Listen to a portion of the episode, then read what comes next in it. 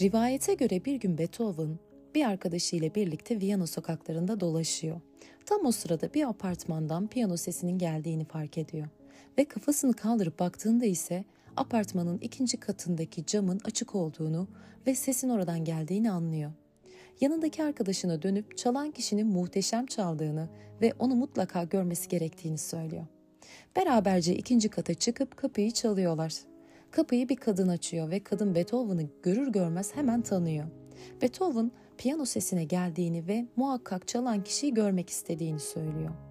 Kadın piyanoyu çalan kişinin kızı olduğunu ve onunla tanışmaktan çok mutlu olacağını belirterek onları içeriye davet ediyor. Beethoven piyanoyu çalan kızın olduğu odaya giriyor. Annesi kıza Beethoven'ın geldiğini söylüyor ve kız çok heyecanlanıyor. Hemen ayağa kalkıyor ve o sırada kızın gözlerinin görmediğini anlıyor Beethoven.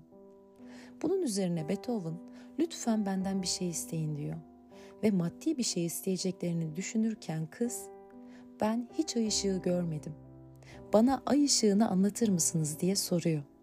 Bunun üzerine Beethoven piyanonun başına geçiyor ve ay ışığı sonatını doğaçlama bir şekilde orada besteliyor.